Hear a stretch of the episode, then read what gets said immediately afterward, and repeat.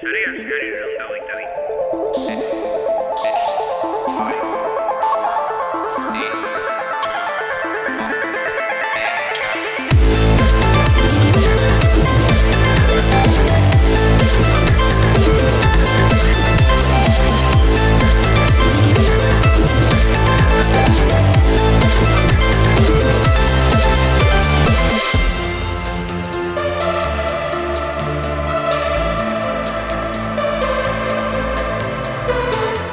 Urria ja zita ziurrenik eh, jende askorako eh, keska edo pentsamendua izango dira eh, hainbeste, hainbat, hainbat gauzat ez direla teknologikoak. Batzuk bai, eh, batzutan eh, aldaketak gertatzen direnean eh, guztiok pentsatzen dugulako zergatik ez nuen hau eh, lehenago egin, e, nire kasuen pertsonalki izan da e, ziurtageri digital bat behar dudalako zerga bat aurkesteko eta faktura bat aurkesteko eta nire pentsamendu aste honetan izan da zergatik ez nuen ziurtageri digital hori lehen eskatu.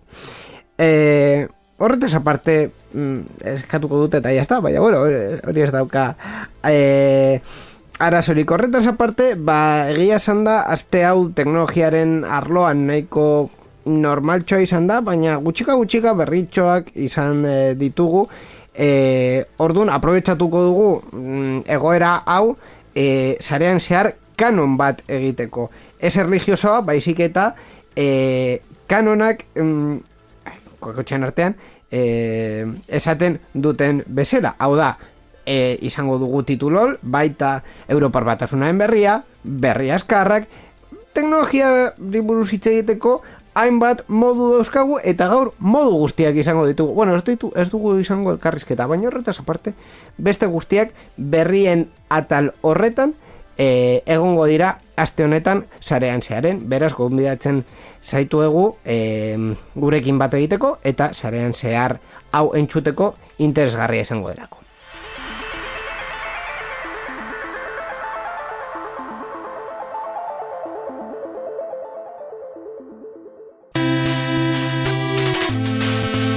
Sarean zearen parte hartu nahi duzu? Gure berriak iruzkin du? Ekitaldi bat kontatu? Gure hankasartzeak kritikatu? Erantzuna positiboa bada, bidali ezazu e-mail bat. info abildua sareanzear.eus Gure whatsappa 6 sortzi sortzi 6 sortzi 00 sortzi bederatzi da. Telegram ere daukagu, 6 sortzi sortzi 6 sortzi 00 sortzi bederatzi. Gure Twitter eta Facebookeko profiletan idatzi dezakezu ere. Eta ez ahaztu gure asteko agenda. Informazio guztia sareanzear.eus webgunean. Zuen mezuak itxaroten ari ditugu. Ah, bai? Bai.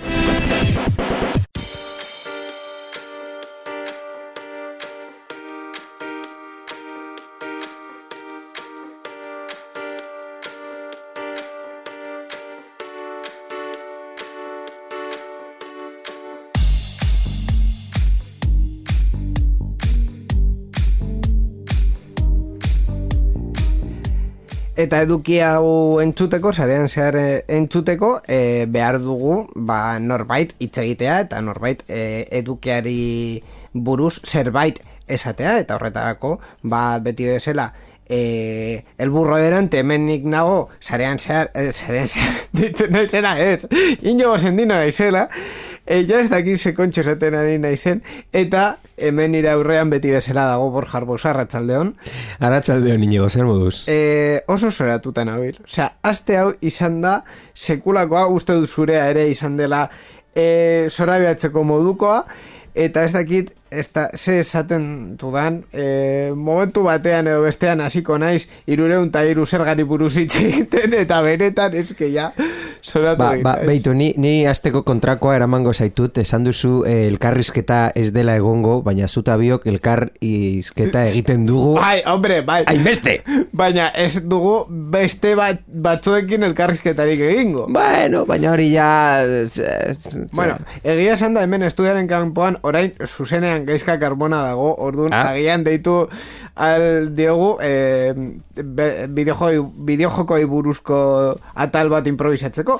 ba, denbora gelditzen bada. Eh, Ez, ez, ez, ez dut uste egingo dugunik. e, en fin, e, teknio, teknologiari buruzko berrietara sartuz, e, duela egun gutxi, gainera, mm, gu azken saioa egin eta uste dut bi hiru egun e, geroago, e, Apple e, esan zuen e, ekitaldi berri bat egingo zuela. Eta ekitaldi berri hori e, izan zen kasu honetan ordenagailuetan e, ordenagailuetara bideratuta. Orduan, e, ba, bueno, ordenagailu berriak izaten ari i, i, bueno, aurkeztu dituzte Applekoek. Bai, bere berritasunak aurkeztu ditu MacBook Pro ordenagailu eramangarrien familian amalau eta amasei azbeteko bi modelo berri ditu webkamerako notch diseinua dutenak, hau da mugikorren diseinu hori kopiatzen dutenak e, Bai. horrelako mini-mini kamera ja eta beste guztia ja pantalla marko oso fin-fin batekin Bai.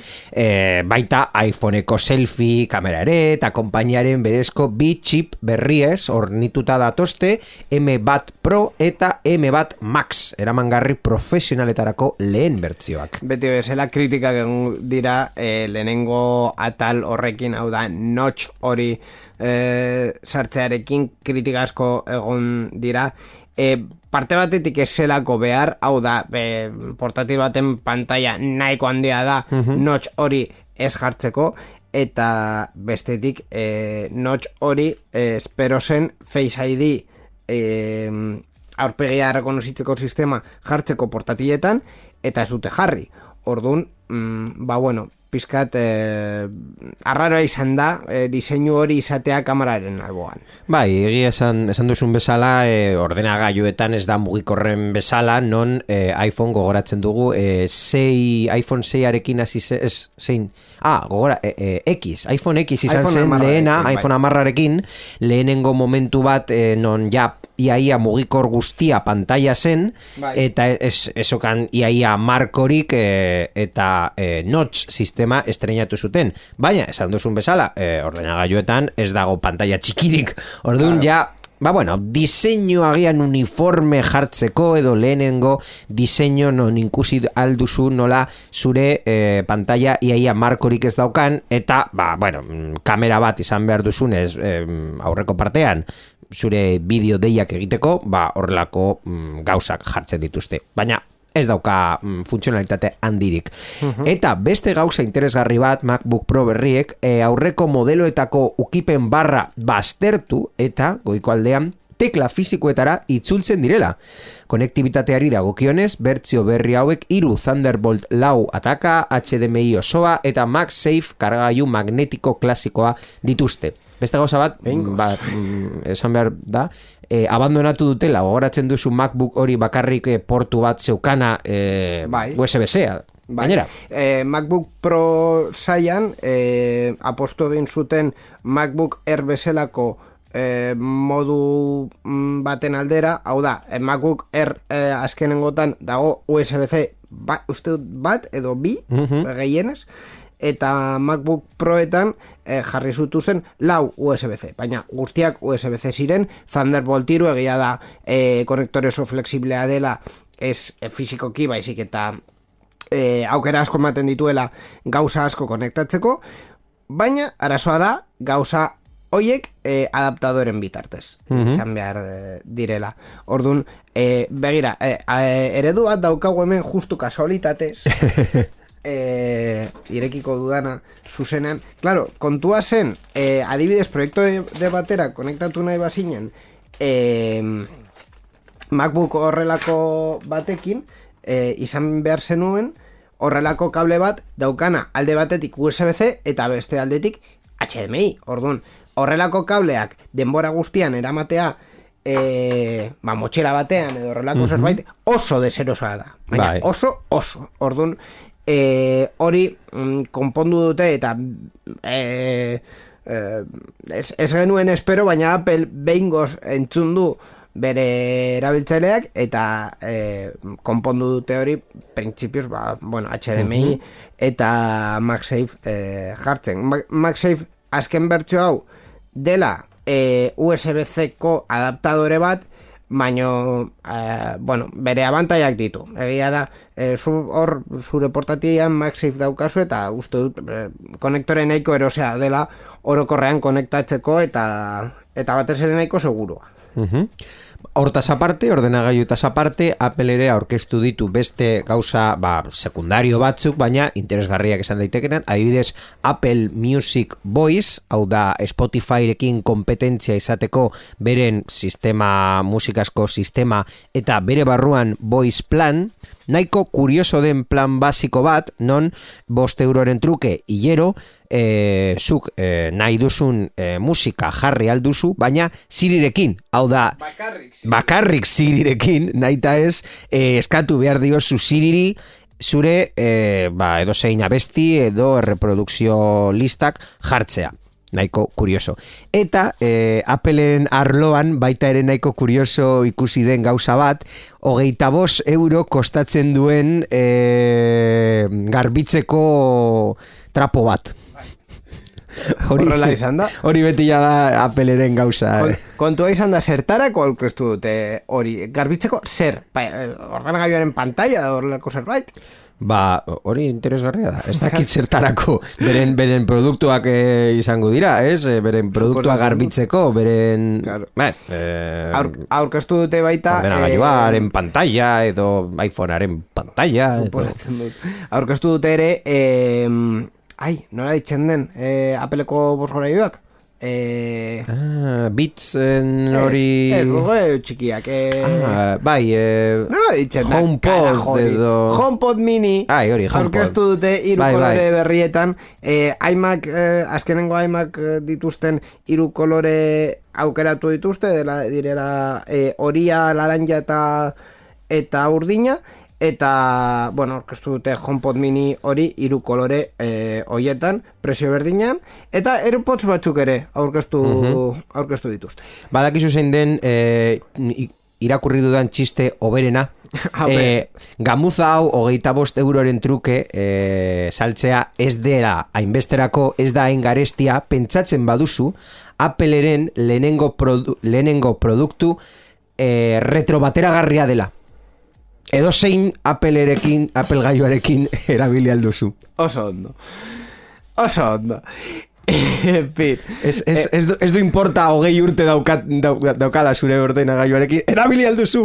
Bai, bai. Bateragarria da. E- En fin, eh, a ber, egia esan da, eh, portatilen eh, aurkezpena aurrera pauso handi bat da, eh, azken, bueno, parte batetik bere chip berriak eh, sartzen dituzterako eta bere chip berriak oso, oso, oso potenteak dira. Osea, mm, chip hoiek mm, pinta oso ona daukate eta konparaketak egiten adibidez pasaden belaunaldikoak e, M bat eta aurreko belaunaldiko Intel chip e, prozesagailuak mm, e, ia errendimendu bikoitza dau, daukate edozen gauza egiten, orduan e, chip oso potenteak dira e, eta azkenik konektoreak jarri diote bere portatilari, orduan Ba, begira, e, biak batera. Pre- Prezioi buruz ez dugu hitz egingo, ezta? Eh, a ber, eh, ordenagailu profesional bat da, orduan suposatzen da ordenagailua erosten duzula amar urterako gutxi gora bera. Baina nahi baduzu presioi buruz hitz egin bai.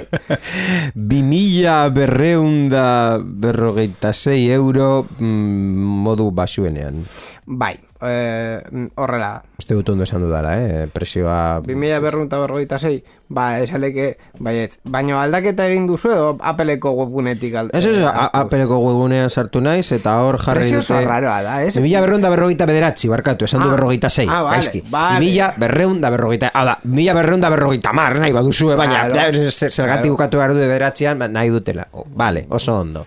Eh, Esaten dena kuarto invita... kristongo presioa eta eta eta ondo Bai. dago esan da Bai, bai, oso, oso, oso garestiak dira, baina hori kontuan hartu behar da, ordenagailu profesionalak direla eta suposatzen da e, ze jamar urterako e, or, erosten direla, orduan. profesionalak ez direnak ez dira merkeagoak, eh?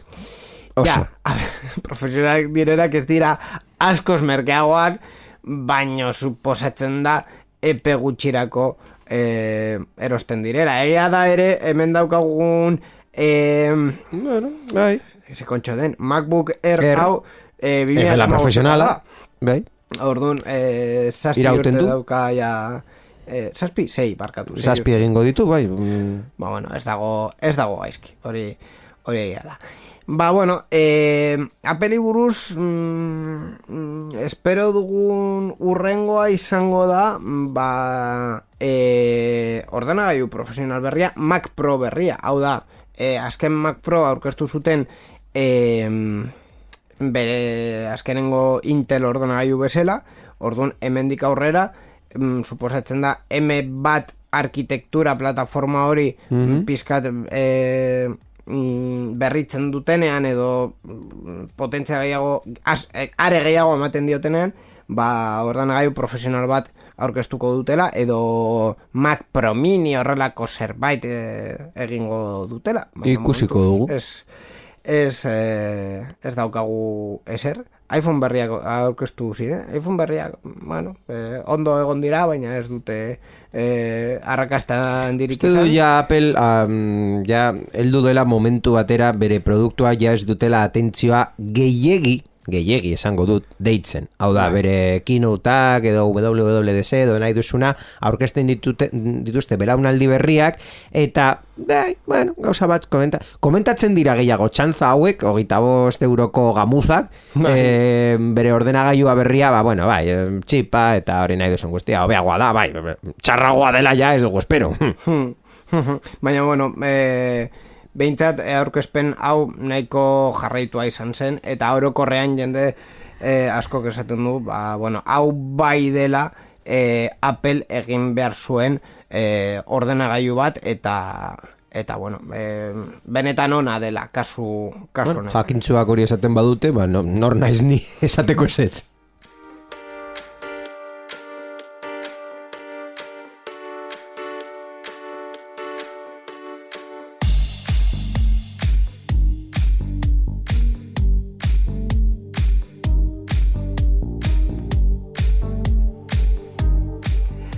Beste gai batzuei buruz e, hitz egiten eta gainera polemika izan dituzten e, gaiak kasu honetan e, izan dira Facebook e, Facebooken e, bueno, e, izan dituzten e, polemikak.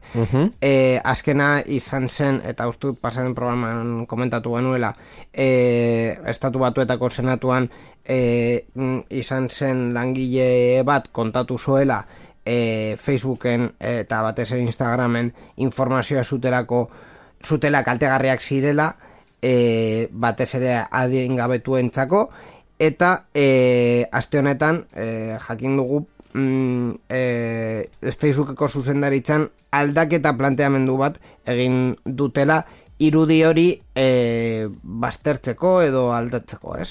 Bai, momentu zurrumurroa da, hori egia esan behar da, The Verge, jakinarazi duenez, ba, dirudienez Facebookek sare sozialetako enpresa bat baino zerbait gehiago, bezala, ikusi nahi duelako, aldatu nahi du bere izena.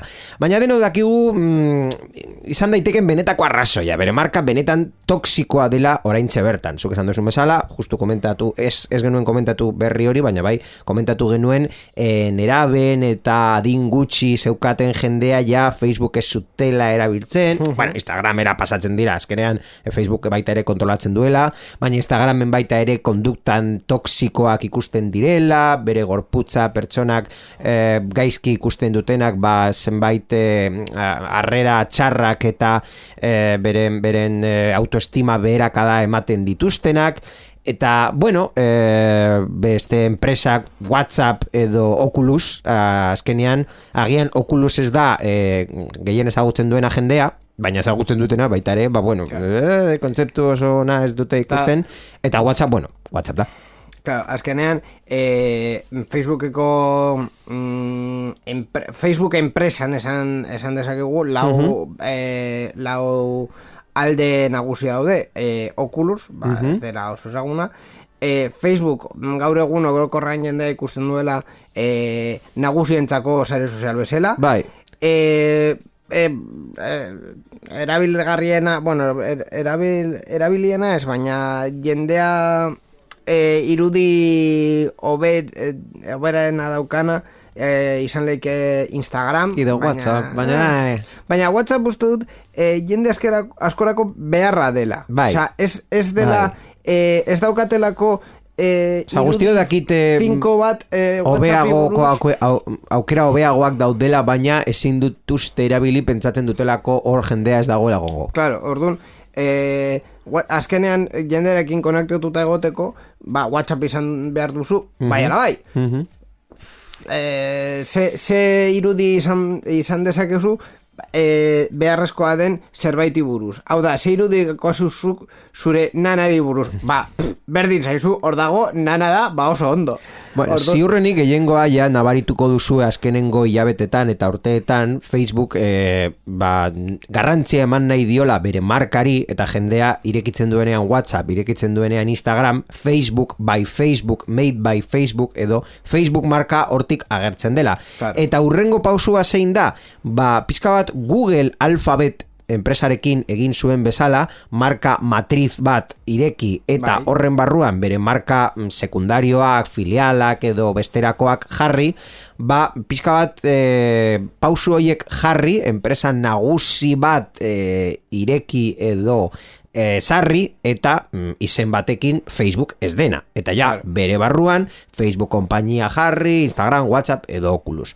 Hori dira, ideiak eta zurrumurruak esan dugun bezala, The Verge eh, ez kontatu, Ar- argitaratu argitaratu du, eta momentuz Facebook ez du, eh, esaten den gazteleraz, ni confirmo ni desmiento, eh, Ja, ez, ez du zurrumurruak eta bla, bla, bla, bla, izan. ikusiko dugu. Ez, ez du zer ofizialik esan, baina egia da, e, diru arloan oso ideia ona dela. Hau da, e, zure marka, zure enpresaren izena, ez da zure marka nagusia, zure marka nagusia agian orain Instagram izan leikelako, eta Instagram pizkat agian irudi hobeagoa dauka Facebookekin kon- konparatuta, bueno, hori mm, ja e, ikertzeko kontua izan leike, baina zure enpre, e, batez ere burtsan agertzen bada Facebook eta Facebook marka hori e, behar akabadoa edo irudi txarra badauka, mm, hori arazo bat izan leike. Orduan, e, Google bezala, e, egit, e, f, mm, enpresari a, izenez aldatzen badioz eta deitzen badiozu ez dakit zer. E, Pineapple,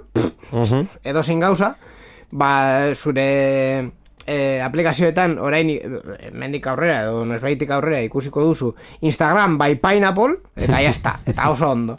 Apple bezala, ba Pineapple. E, egi, egia esan da uste du ja guztiok onartu al dugula Facebook markari mm, gertatu zaiola beren erabiltzaileen berdina, zahartuta ge- geratu dela. Claro, baina- Eta jendea gainera zahartuta bezala ikusten duela, hau da, Facebook 2008, uh, Claro, eta oso, gainera oso ja urrun ikusten dute hori. ga- Gainera, e, hau duela gutxi e, gertatu da ere Espainian, gogoratzen baduzu, e, segunda mano portala, Mhm. e, Shifted enpresa, Infojobseko enpresa, Infojobs eta Fotokasa uste dut dela, Fotokasa bai, Fotokasa enpresa e, erosi zuenean, pentsatu zuten, bueno, segunda mano orokorrean e, marka bezala irudieneko txarra dauka, jende asko mm, arazoak izan ditu plataforma honetan, eta bar, mil anuncios izan da ere, Mhm. e, be- haien portalen portfolioan e, aukeratu zuten e, ez fusio bat egitea, baizik eta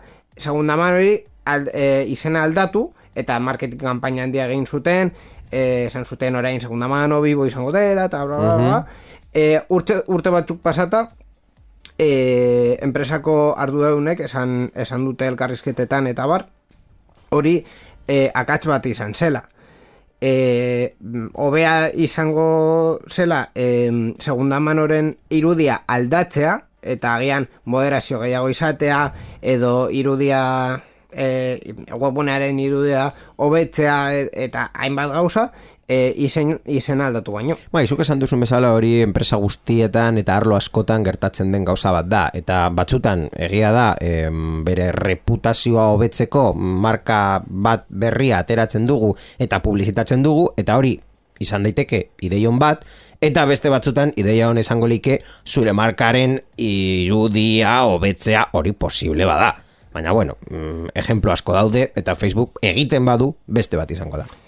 E, oso zaila da baita e, enpresa baten marka bueno, enpresa baten Bueno, irudia aldatzea. uste dut bankia batere lortu zuela mm, momentotar arte uste dut Baina- CaixaBankekin baina asko- duela asko- asko pausu kostata, ona. eh? Bai, baina bueno, lortu zuten. Hau da, bankia azkenengo amar urteetan bere eh, momentu txarrena pasa zuen arte, eh, nahiko publizitate eta produktu eta eskaintza interesgarriak egin zituen, eta mm, notizia txarra da, hori lortu baino eta et- lortu eta gero, ba, kaixabanken poltsikoan bokatu zuela. Bai. Baina estrategia, beraz, gaizki ez dago. Ez, ez, gainera, Orduan, a- gainera... Punto eh, positiboa goiri golzarri jaunari.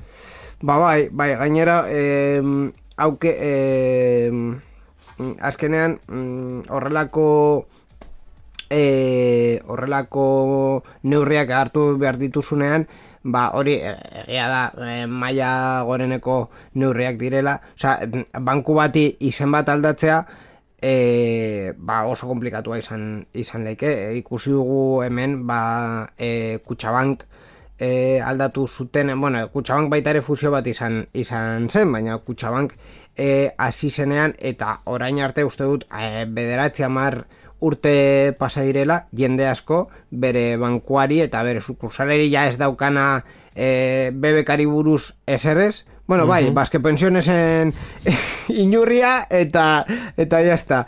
Eh, jende asko eh, BBK eh, deitzen dio Bai. oraindik Bizkaian. Bai, bai. E, eta Gipuzkoan kutxa. Eh. Uste dut araban ez diotela esaten. eh, esaten. Vital. Bai, ez, eh, jendeak esaten dio Bai, bai, bai. jarraitzen du Vital marka. Ba, uste dut, bai, gutxienez betiko sukursalekin, hau da, gaztaizen erdian dagoen sukursala independentzia kalean uste dut orain, orain deit, oraindik deitzen diotela la sukursal dela Vital. Claro.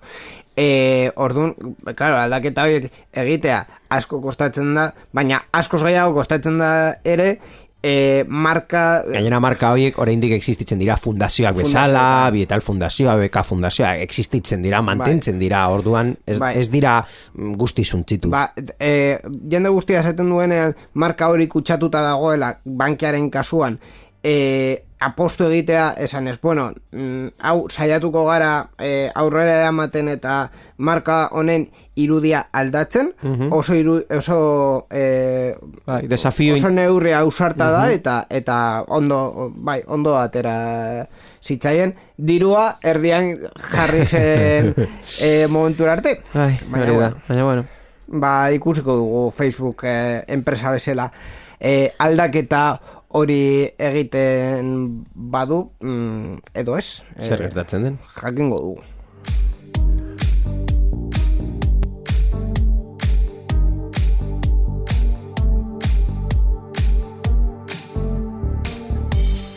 Eta orain gure superheroien superhero eta orain gure superheroiaren momentua eh, tokatzen zaigu. Uste dut denboraldiaren lehenengo momentua, lehenengo Mm, bai. agerraldia izango dela, ez, ezta? ez oker, nahi.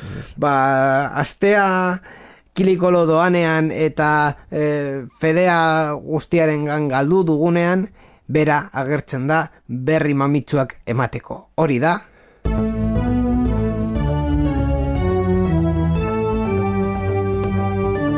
Europar batasunaren berria. Sarean zehar. Eta Europar Batasunaren berrian aste honetan mantenimenduko berria daukagu, benetan ez dutelako horrela gauza handi berririk egin, baina e, bai esan dute, e, mm, azken urtetan egin duten e, ziurrenik e, teknologiaren arloan berririk garrantzitsuena, jarraian e, mantenduko, bueno, jarra, jarraituko da mantentzen urrengo amar urteetan. Eta uste dut eh, hemen pertsona askok eh, benefizioak atera ditugunak. Nor gogoratzen du ja rumina eh, zure telefono konpainiak extra hori kobratu behar zituztena zure atzerriko herrialdetan eh, bidai bat egiten zenuenean zure mugikorra erabili behar zenun bakoitzean bat deiak egiteko edota internetetik nabigatzeko. Ba, eh, ja, eh, Europako parlamentuak doako rumina beste amar urtez luzatzea adostu du. E, gogoratzen badugu 2000 eta amazazpitik sakelako telefonoen erabiltzaileak jaz dute gainkosturik ordaindu behar Europar batasunean deitzeagatik, ez da SMS-ak mm, bidaltzeagatik na, naiz eta nik ez du gogoratzen zein esan den SMS bat bidali nuen azken momentua ez da ere internetera konektatzeagatik. Ar- Araudi hori 2008ko ekainaren hoge, e, hogeita marrean iraungiko da eta luzatzea erabaki du orain Europako ganberak. Orain Europar batasuneko estatu kide diren hogeita zazpi gobernuekin negoziatzea izango da urren gurratzan eta negoziazioietan eh, adibidez eh, Izaskun Bilbao eh, Eusko Alderdi Jeltzalearen eurodiputatuak ordezkatu du Renew Europa talde parlamentarioa. Horren esanean, ba, akordioak indarrean dagoen araua hobetzen du besteak beste, etxeko operadorentzat merkeagoa izango delako beste estatu batzuetako saretarako sarbidea izatea. Eta horrekin bezeroei zerbitzuak eskainiko eta diskriminazioa saiesteko.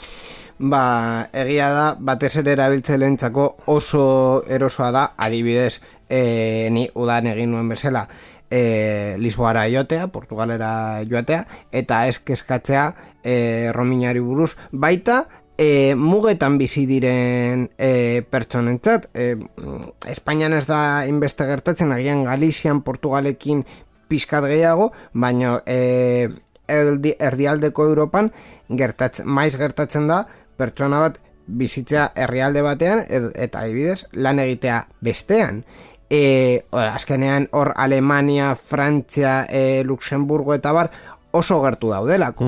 Orduan, e, claro, hori kontuan kontuan hartuta hau e, uste dut e, ona objektiboki ona da guztiontzat operagailuentzat herrialdeentzat orokorrean eta biztanleentzat ba argi dago Bai, guztiok ados egongo gara, e, gutxienez teknologia arloan dekada honen mugimendu onuragarriena izan dela Europar Batasunak egindakoa. Eta pentsatzen badugu pizka bat zer on ekarri duen Europar Batasuna gure bizitzetara azken dekadan, ba, uste dut top iruan egongo zela baita ere. Hau da, e, goratzen badugu e, datuen babesarako erreglamendua atera zen momentuan, baita ere, baina hori ez dugu hainbeste ikusten, baina eske gauza hau oso oso oso ohikoa da oso Bai, e- eguneko eguneko gauza da jende askotarako e, esan dako agian gure itzatet agian gipuzkoarrentzat gehiago jende asko Mm. e, dagoelako e, Bai. e, irunetik e,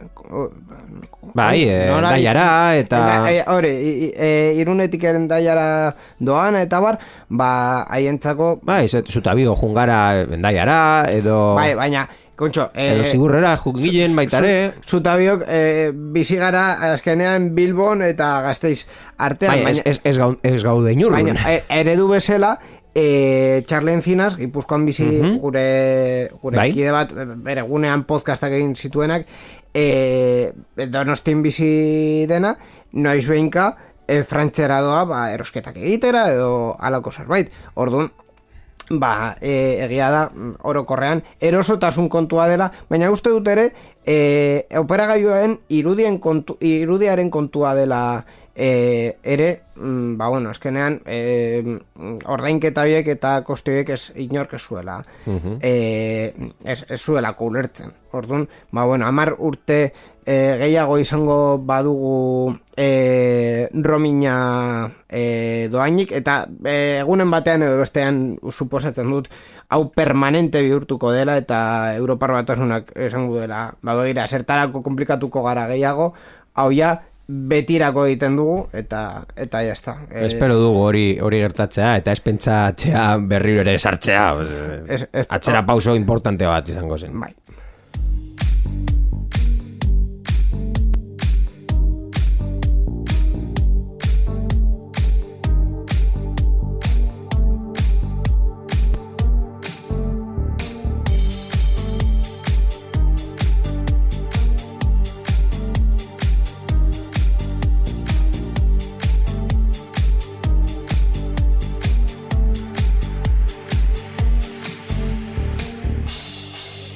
Lehen Borja komentatu duzu e, datuen babesarako legeak eta reglamenduak ere e, Europar batasunetik etorri direla eta e, bueno, e, etorri eta geratu dira azken, e, azken finean em, eh, esan, esango dut, eh, erresuma batuan ere, Europar batasunetik kanpo egon arren, eh, Europako reglamentua eh, indarrean jarraitzen du. Bueno, ez, ez, ez da indarrean jarraitzen, baina bere e, noski lege propioak dauzkate, eta indarrean zegoenean egin behar zuten, Espainia egin behar zuen bezala, bere datuen babesarako araudi bat. Araudi horrek, e, kurioso e, dela, epaile batek, e, aldeko epaia eman duela, eta erabaki du erresuma batuko datua babesteko legela, legea ba, barkatu, erabiltzen, ba, e, isun nahiko izugarri bat jarri diote pertsona bat, eun mila libra, koa, hau da, gutxi gora bera, eun da mazortzi mila euro inguru, ordaindu beharko ditu, bere zaintza kamera egiten ari zenaren berri ez emateagatik. Hau da, pentsa esazu, zure etxean jartzen duzun zaintza kamera bat, baina e, grabatzen duena hogeita lau ordutan. Hau da, ez bakarrik jendea deitzen duenean, baizik eta kamera inteligentea gaur egun egiten duten bezala, Bai. grabazioa egiten du hogeita lau ordutan. Ba, hori... E, Batez ere zuzenean ikusi nahi baduzu bideoa, hor eh, zerbitzarietan egon behar da, eh, zuzenezko bideoa Hori da. eskura izateko. Ba, hori, hausokide batek salatu zuen, esan zuen, hau ez du... E, Hau ez dut uste pribautasun legeekin bat datorrela. Egia da,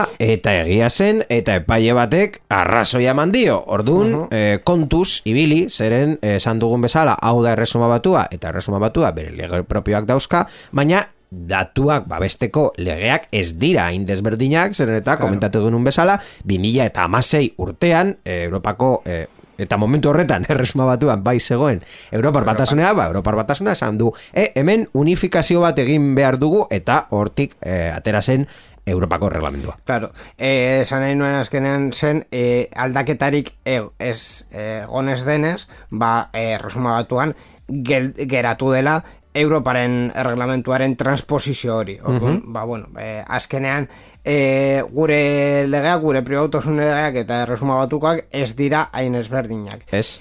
Eh, ba, bueno, Hori... hori... zein pertsona gaur egun jarri dezake kamera hori bere etxearen atean eta kamera horrek egiten duenari mm, kontu zibili.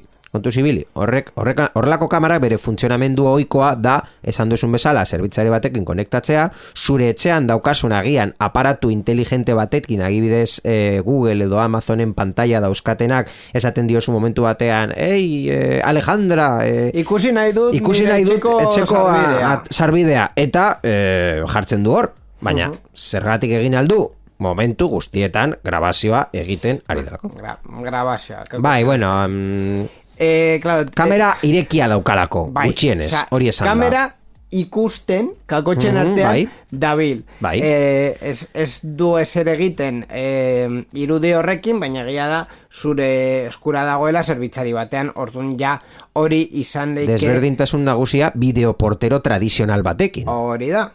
Bideoportero batek baita ere ematen dizu e, mm, irudia Bide- Bideo seinale bat, baina zu eskatzen diozunean, Mhm. edo erabiltzaileak eskatzen duenean. Horregatik, bideoporteak ez dute... Eh, eta ez da zerbitzari batetik pasatzen hau da bakarrik kable zure etxera Claro, horregatik, eh, bueno, eta bideoportera internetera konektatuta egon ere, horrela funtzionatzen badu, ez luke eh, pribautasunari buruzko abizu bat eh, izan behar. Azkenean, eh, bi aldeetatik bat aktibatzen duelako eta interes legitimoa dagoelako, bla, bla, bla. Gogoratu, segurtasun kamera bat ikusten dituzuen edozein lekuan e, karteltxo bat egon behar dela eta datuaren babesarako legearen nor dela arduraduna hor esaten eta nola e, eman aldituzu zure eskubideak e, ez, e, nahi, aldu, zerrendatzen dituzten lekuetan.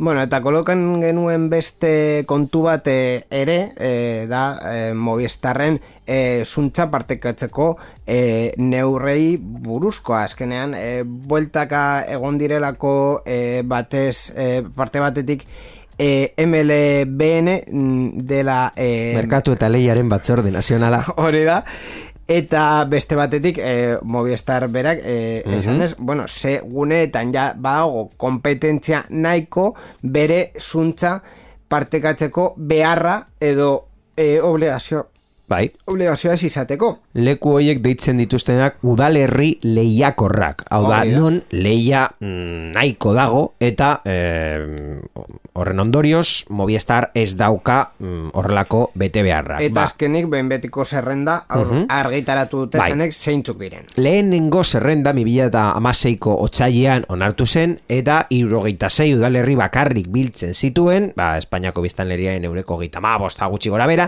eta ba, azken bost urteetan, e, noski, e, zuntzako e, sarea hobetu da, egoera erabal, e, aldatu da, eta biztan lehen euneko laro, geita lau, gutxi gora bera baino gehiago, zuntzoktikoaren estaldura dute dagoeneko, eta, ba, noski, horietako askok bi operadore da edo gehiagoren gandi jasotzen dute estaldura hori. Horregatik, Movistarrek urtean zeramatzan udalerri lehiakorraren zerrenda berrikusteko eskatzen zegoen, eta ja e, merkatu eta lehiaren batzorde nazionalak lista hori mm, berriro eta ere berrikusi du, eta e, at- argitaratu du ba, behin betiko zerrenda.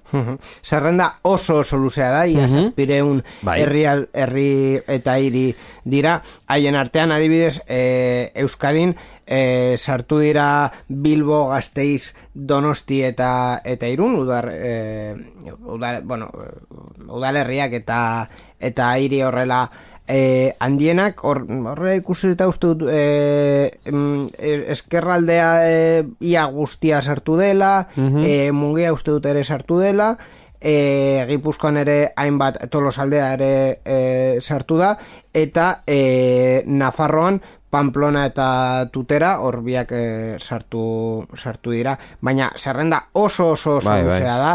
E, Katalunian hainbat e, herri, sart, et, herri eta hiri sartu dira ere. Eta bueno e, e, egoaldean ere nahiko e, herri eta hiri e, sartu dituzte mm, zuriena be, gure hemen ikusten nahi dugun mapan e, uste jarri aldudala bideoan e, hemen, Alduz? bai, bai, bai hemen agertzen bai. den mapa honetan zuriena da e, e, Castilla Leoi Eh, Bai. hor oso zuri agertzen delako agian ez daudelako Biztanle hor- gehiegi eta dentsitate nahiko. eta, eta interes gehiegi hau e, egiteko ordun ba bueno hori e, arazo bat da azkenean e, leiaren kontuetarako.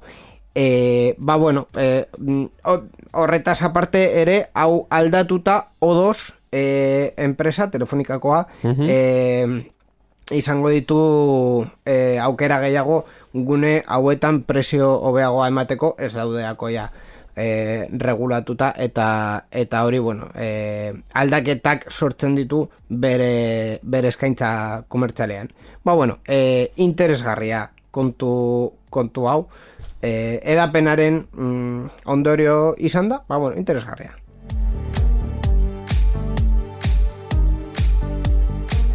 Eta ja oso askar, ez dakit eh, askarregi joango garen edo, baina berri askarrak eta titulol daukagu hor, baina komentatu nahi dut, eske bestela eh, txisa gainean egiko dut, osea, benetan. Eh, eh, irakurri dudan momentuan esan dut, ze txorrada, eta ze txorrada hau... Eh, Ez da hainbeste komenta- txorrada. Komentatuko dugu. Eh, eh, jakingo duzue eh, alde batetik zergatik esaten dudan txorrada bat dela, baina bueno, kontua da plataforma eta sare sozialetan alta ematerakoan eh, identifikatzera behartu nahi dituen eh, lege proposamena eh, sartu dela kongresuan. Ez, konkretuki ez kongresuan baita, Barkatu, senatuan. senatuan. Alderdi popularrak senatuan Hombre! duen taldeak lege proposamen bat aurkeztu du plataformak eta sare sozialak alta ematen duten erabiltzaile guztiak identifikatzera behartzeko. Hori eh, aldatu nahi duen legea da eh, Lei de Servicios de la Sociedad de Información gaztelaniaz ezagutzen dena, Bai. informazioa, gizarteko zerbitzua eta merkataritza elektronikoari buruzko hogeita malau bi, bi legea. Lege hori A ber, em, mm, azkenean hau txor, eh, sa- esango dizut, eh, uste dute Araindik ez du kontatu eta ja txorrada bat esaten ari dela. Bai, osea, aldaketa da zerbitzuaren hartzeleak eh, datuak eh, jaso behar ditu mm, profil bakoitza identifikatzeko Bai, eh, nortasuna zeba- giri nazionala, pasaportea edo nortasuna egiaztatzen duen beste edozein agiri ofizialen bidez. Vale. Eh, datu hori gorde eta bakarrik datu hori izan da zure akontua ordun eh, erabili ahalko duzu.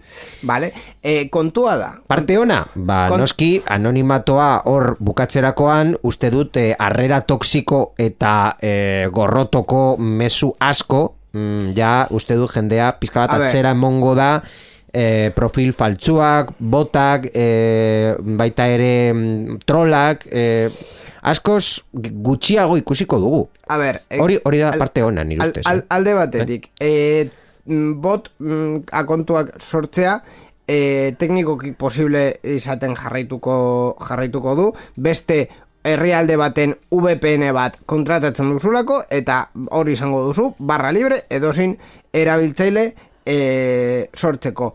Hortaz aparte. Hor- Hortaz aparte, eh, hau, eh, balio du eh, gorroto um, mm, diskurtsoak eh, kentzeko, ba uste dute zeitz, benet egia esan da. Azkenean, bai, zur, eh, zure identifikazioa gongo delako sare sozialetan, baino egia da ere, eh, gorroto diskurtso hori askotan ez dela mm, sartzen konkretuki delituaren figura batean. Orduan, e, ni zuri gilipollas esaten badizut, hori egia da intzulto bat dela, Bai. baina askotan ez da salatzen, orduan ez da epaitegi bat Ah, bueno, baina ez, salat, ez, salatu edo ez salatu beste gauza bat da. Baina- Niko, baina- nik, baina- kalean hortaz- zerbait deitzen badizut, agian zure arazoa izango da ez frogatzea. Zeren, ni gauza bat hori esan dut, ez du inorintzun, eta nola jungo zara epaitegitara, lehenik eta behin hori salatzera ja pentsatzen duzu, jo, gilipollas, naiz, ja, ba, bueno, hor Claro. utziko dugu. Eta, bigarrenengo, ez duzu izango frogarik, zeren ez duzu edo zer gorde. Twitterren guztia gordeta dago, zerbitzariak daude, eta jendea idazten duenean, hori eh, erregistro bat geratzen da. Beren arazoa da e, edozein e, salaketa jartzen duzunean hori ezin dela frogatu, ezin dela frogatu pertsona horren atzean edo pe- profil horren atzean nor dagoen. Horta, baina horta, agian e, eredua ez da onena. E, ni zuri gilipollas esaten badizut, azkenean hori txuto bat delako objetiboki. Eh, baina bai. ni esaten badut, e, mm, etortzen dela kanpoko jendea e, gure dirua kentzera, eta hori e, alderdi politiko bat dago, e. Bai, bai, bai, bai. esaten duena, e, hori momentuz inork ez du esan gorroto e, diskurtsoa dela, Badakigu limiteak egungo difusoak direla. Badakigu. Hor, limite horrekin jokatzeko aukera egongo da beti. Eta beste parte batetik ere, esango dizut, gaur egungo legealdiarekin, eske ez daukagu denbora. Bai, bai, bai, bueno. Ez da bai da nahiko interesgarria hor... bai, eh, gaur, gaur egungo legealdiarekin e, identifikatzen da jendea, eta benetan delituak gertatzen direnean, e, ez dira kasuak e, geratzen jendea identifikatu gabe, horrela, kasu asko esan nahi dizut. Ez, gaur egun ez da arazo bat, e, sare sozialak ematen ditu, bueno, Nik beste irudi bat daukat. TikTok ez, baina beste guztiak orokorrean ematen dituztelako bideak e, pertsona hori identifikatzeko eta operagailuek ere bideak ematen dituzte pertsonak identifikatzeko. Mm. E, TikTok a, aparte ja bere munduan bizi direlako. Orduan, e, hau benetan arazo bat da, mm, uste dut ez ez. Egia da, e, pro, e, proposamena Zibererasoa, akosoa... Eh, Baina- baina arazo- horrelako arazo hori ez da- ez da- eh, jendea Bai- pertsona baten kontra justu juntea baina zuk eh, gorroto mezuak eh, botatzen badituzu orokorki hau da inmigranten kontra edo ez dakize eh, pertsone konkretu etnia edo raza edo ez dakize generoko kontra ba bueno gorroto bai baina generikoki. Baina pertsona baten kontra justu juten bazara bat, bi pertsona, hiru bost, amar, hogei, hogeita mar, bosteun, baina kon- akoso eta mm, ja, Baina kontua da, ka, kaso askotan, zibereraso hori, mm, parte batetik, e, pertsona horrek ezagutzen duen jendea egiten duelako, du, duela e, bere e, fizikoki ere egiten dutelako, adibidez e, adingabeekin eskoletan eta bar, eta gero beste kasu bat famatuen kontra joaten direnean eta me, famatuek, e, famatu batek salatzen duenean e, akontu bat konkretuki bideak daude eta askotan e, mm, lortu da pertsona hori identifikatzea eta e, neurriak hartzea. Orduan, hau mm, benetan beharrezkoa da? Ba, be, beitu, ni, ni ez dut gehiago ja esango zer esan dugun bezala, ez dugu denbora gehiegi, eta ez da hau denbora asko mango luke, Bai. baina nik esango nuke, adi, agian, neurriari buruz, ez, ez gehiago dago, arazoari buruz baino. Hau da, hau saiestea ideia ona bat da, bai. Bai, Neurri honekin, agian ez, baina intentzioa gutxienez, hor dago, eta ni ustez arazo hori sozialki existitzen da.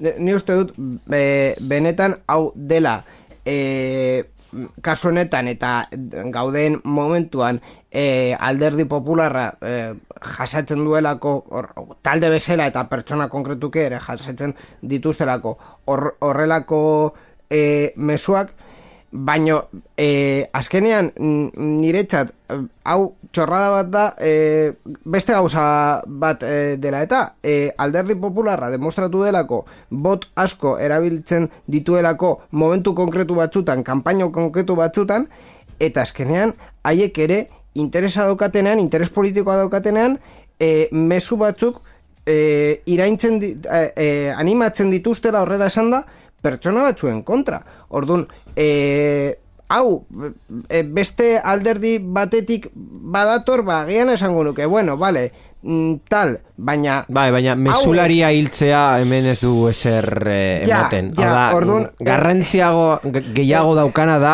gauzak hobetzea Ja, eta ez egia nork eh, bai, ekartzen bai, bai, du bai. eh, Egia- Egia proposamena. da gure, gure analizia oso partziala izan daitekela, e, Bai. zu gainera alde batean zaudela dela e, epaitegien kontuetan, Mm. nire partetik ere ni ez naiz oso neutrala, hori demostratu dut azken urteetan, orduan, e, ez da asko sakonagoa izan leike, baina bueno. Mm, En fin, e, kontu guzti hauek e, komentatuta saiatuko gara berri askarrak oso askarrak egitea eta titulol ere sartzea. Berri askarrak, sarean zehar.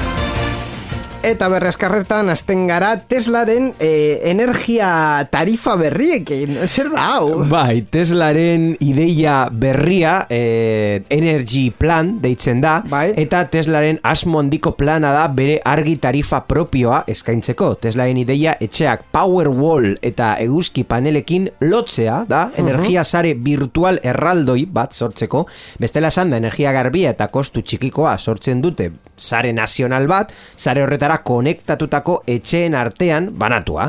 Tesla arduratzen da etxearen bideragarritasuna ebaluatzeaz eta sarean parte hartzeko baliozkoa den zehazteaz. Beraz, ez dago bermatuta edo zein pertsonak plan horretan parte hartu alizatea. Azkenean guzti hau e, nagusia espaziora emateko. Tinta kartutxoi buruz oso askaritzengo dugu, e, badirudi hor e, kanoneko impresoretan geratzen delako zerbait. Bai, bai, imprimagailu bat eskanerra erabiltzeko dakigunez ez da tintarik behar, baina kanonetik bi elementu horiek ba, bai lotzen dituzte. Ah. Egun erabiltzaileek e, paitegia eraman dute e, kanon imprimagailu marka bat estatu batuetan iruzurrezko publizitateagatik eta legez kontrako aberasteagatik.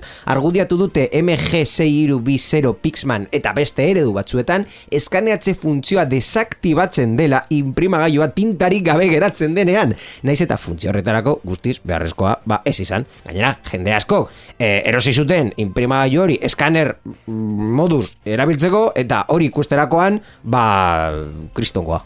Ba, badakizue, hor, e, arakatu be, behar dela fondoan dagoena impresora jakiteko benetan tinta daukala. Netflix bere prezioak pizkatxo bat igo ditu. Bai, eta egoerak ez du eraginik zerbitzuaren ezaugarrietan. Ezaugarri horik berdin jarraitzen dute emisioaren kalita, kalitateari dagokionez, edo ba, aldi berean edukoak ikus ditzaketen pantaiaren kopuruari dagokionez. Pantailek bat dira oraindik oinarrizkorako, bi estandarretako eta lau premioretako. Prezio politika berri hau ga, justiz, gust, hemendik aurrera jarriko da indarrean arpidedun berrientzat bitartean egungo erabiltzaile jakinarazpen bat jasoko dute, bai posta elektronikos, bai Netflix aplikazioaren bidez, tarifa igo aurreko hogeita mar egunetan fakturazio zikloaren arabera. Bueno, badakizuek almarraren jokoa ikusteko, gero eta garestiago jartzen ari dela Netflix. E, azkar ere, Espainiako gizarte segurantzak aplikazio bat atera du kudeaketak egin ahal izateko ze desastre maila izan daiteken hau ez dakigu. Inklusio, gizarte segurantza eta migrazio ministerioak bai aplikazio mugikor bat sortu du langile autonomoen izapide burokratiko gehienak zentralizatzeko besteak beste 2023an martxan jarriko den zatikako kuota berria el periódico de Cataluña egunkariak aurreratu duenez. Aplikazioak beraz hainbat tre- hainbat tresna ditu, norberaren konturako langileek beren kudeak eta guztiak online egin ahal izateko, oie, nabarmena zalantzare gabe profesionalak hilero ordainduko duen kuota denbora errealean kalkulatzeko aukera eskainiko duena da. Hau da, gogoratu behar da, gobernuak autonomoen kotizazio sistema aldatzea proposatu zuela, 2008 bateko maiatzen eta horren arabera amairu tributazio tarte sortzen zirela, diru sarren arabera, hilean, ba, mm, laro eurotik, mila mm, berreun da hogeita, de hogei, barkatu eurora, bitarte. Behin betiko aldaketa negoziatzen jarraitzen da. E, azkenik, e, ideia on bat beste ideia benarekin dator. Hau da, kotizazioa jak, jakiteko sei kontxu izango den amairu hoien artean, ba, aplikazio bat daukagu, esaten duena, zehatz mehatz. Ba, bueno, Ticket principios... bai eta hori ja... Ba, da, da, da, da, da. Eta azkenik oso azkar ere Microsoft izten du LinkedIn txinan. Bai, Microsoftek iragarri du LinkedIn itxi egingo duela Txina. Profesionalentzako sare sozial hau funtzionatzeari utziko dio Asiako erraldoian. Desafiozko ingurune operatibo bati aurre egin behar diola argudiatu ondoen. Bueno, azkenean ek, mo, movida da, e, txinako gobernua e, badaki zuena ikutzen ari ditu duela Microsofti eta esan dute, bueno, pss, txiko, eske ezin du, ezin du gehiago, ezin du gehiago, eta itxiko dute LinkedIn, bertan bera, pikutara. Agur eta eskerrik asko.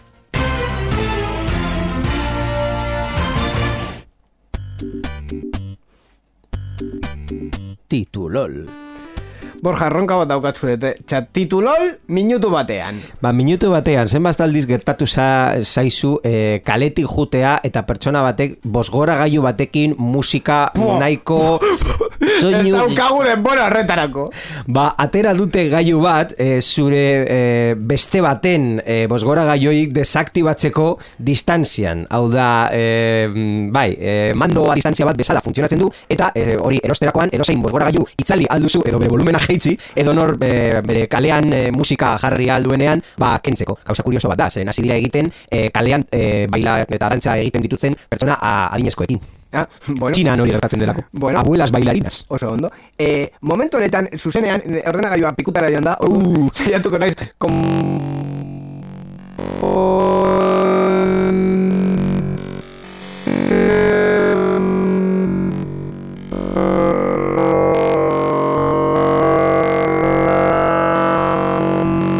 hau, Agian pertsona bak et- etor, etorri da mando horrekin eta... Hostia, es que gainera Itzali dizu. Momentu zuzenean, eh? Momentu zuzenean Irratsaio hau Creative Commons aitortu ez komertziala partekatu berdin lau puntu zero nazioarteko lizentziarekin banatzen da. Horrek esan nahi du gure edukiak nahi beste partekatu ditzazkezula. Informazio gehiago nahi baduzu josarean zehar.eus webgunera.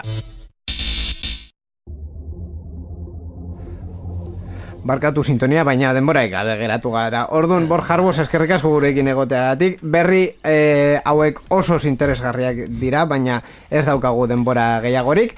Eh, bi asteetan gehiago. Urrengoan, bai, izango da, gehiago. Eskerrik asko eta entzule guztioi, urrengo saior arte. Eskerrik asko baita ere Mikel Carmonari ekoizpen eta teknikari eh, lanetan egon dela, eta baita ere irratietan dauden teknikari eta ekoizpen taldei. E, badekizu egu ere webgunea sarean zehar.eus eta gure maiztasuna amabost egunetan behin beraz bi aste barru teknologia gehiago hemen sarean zehar. Agur!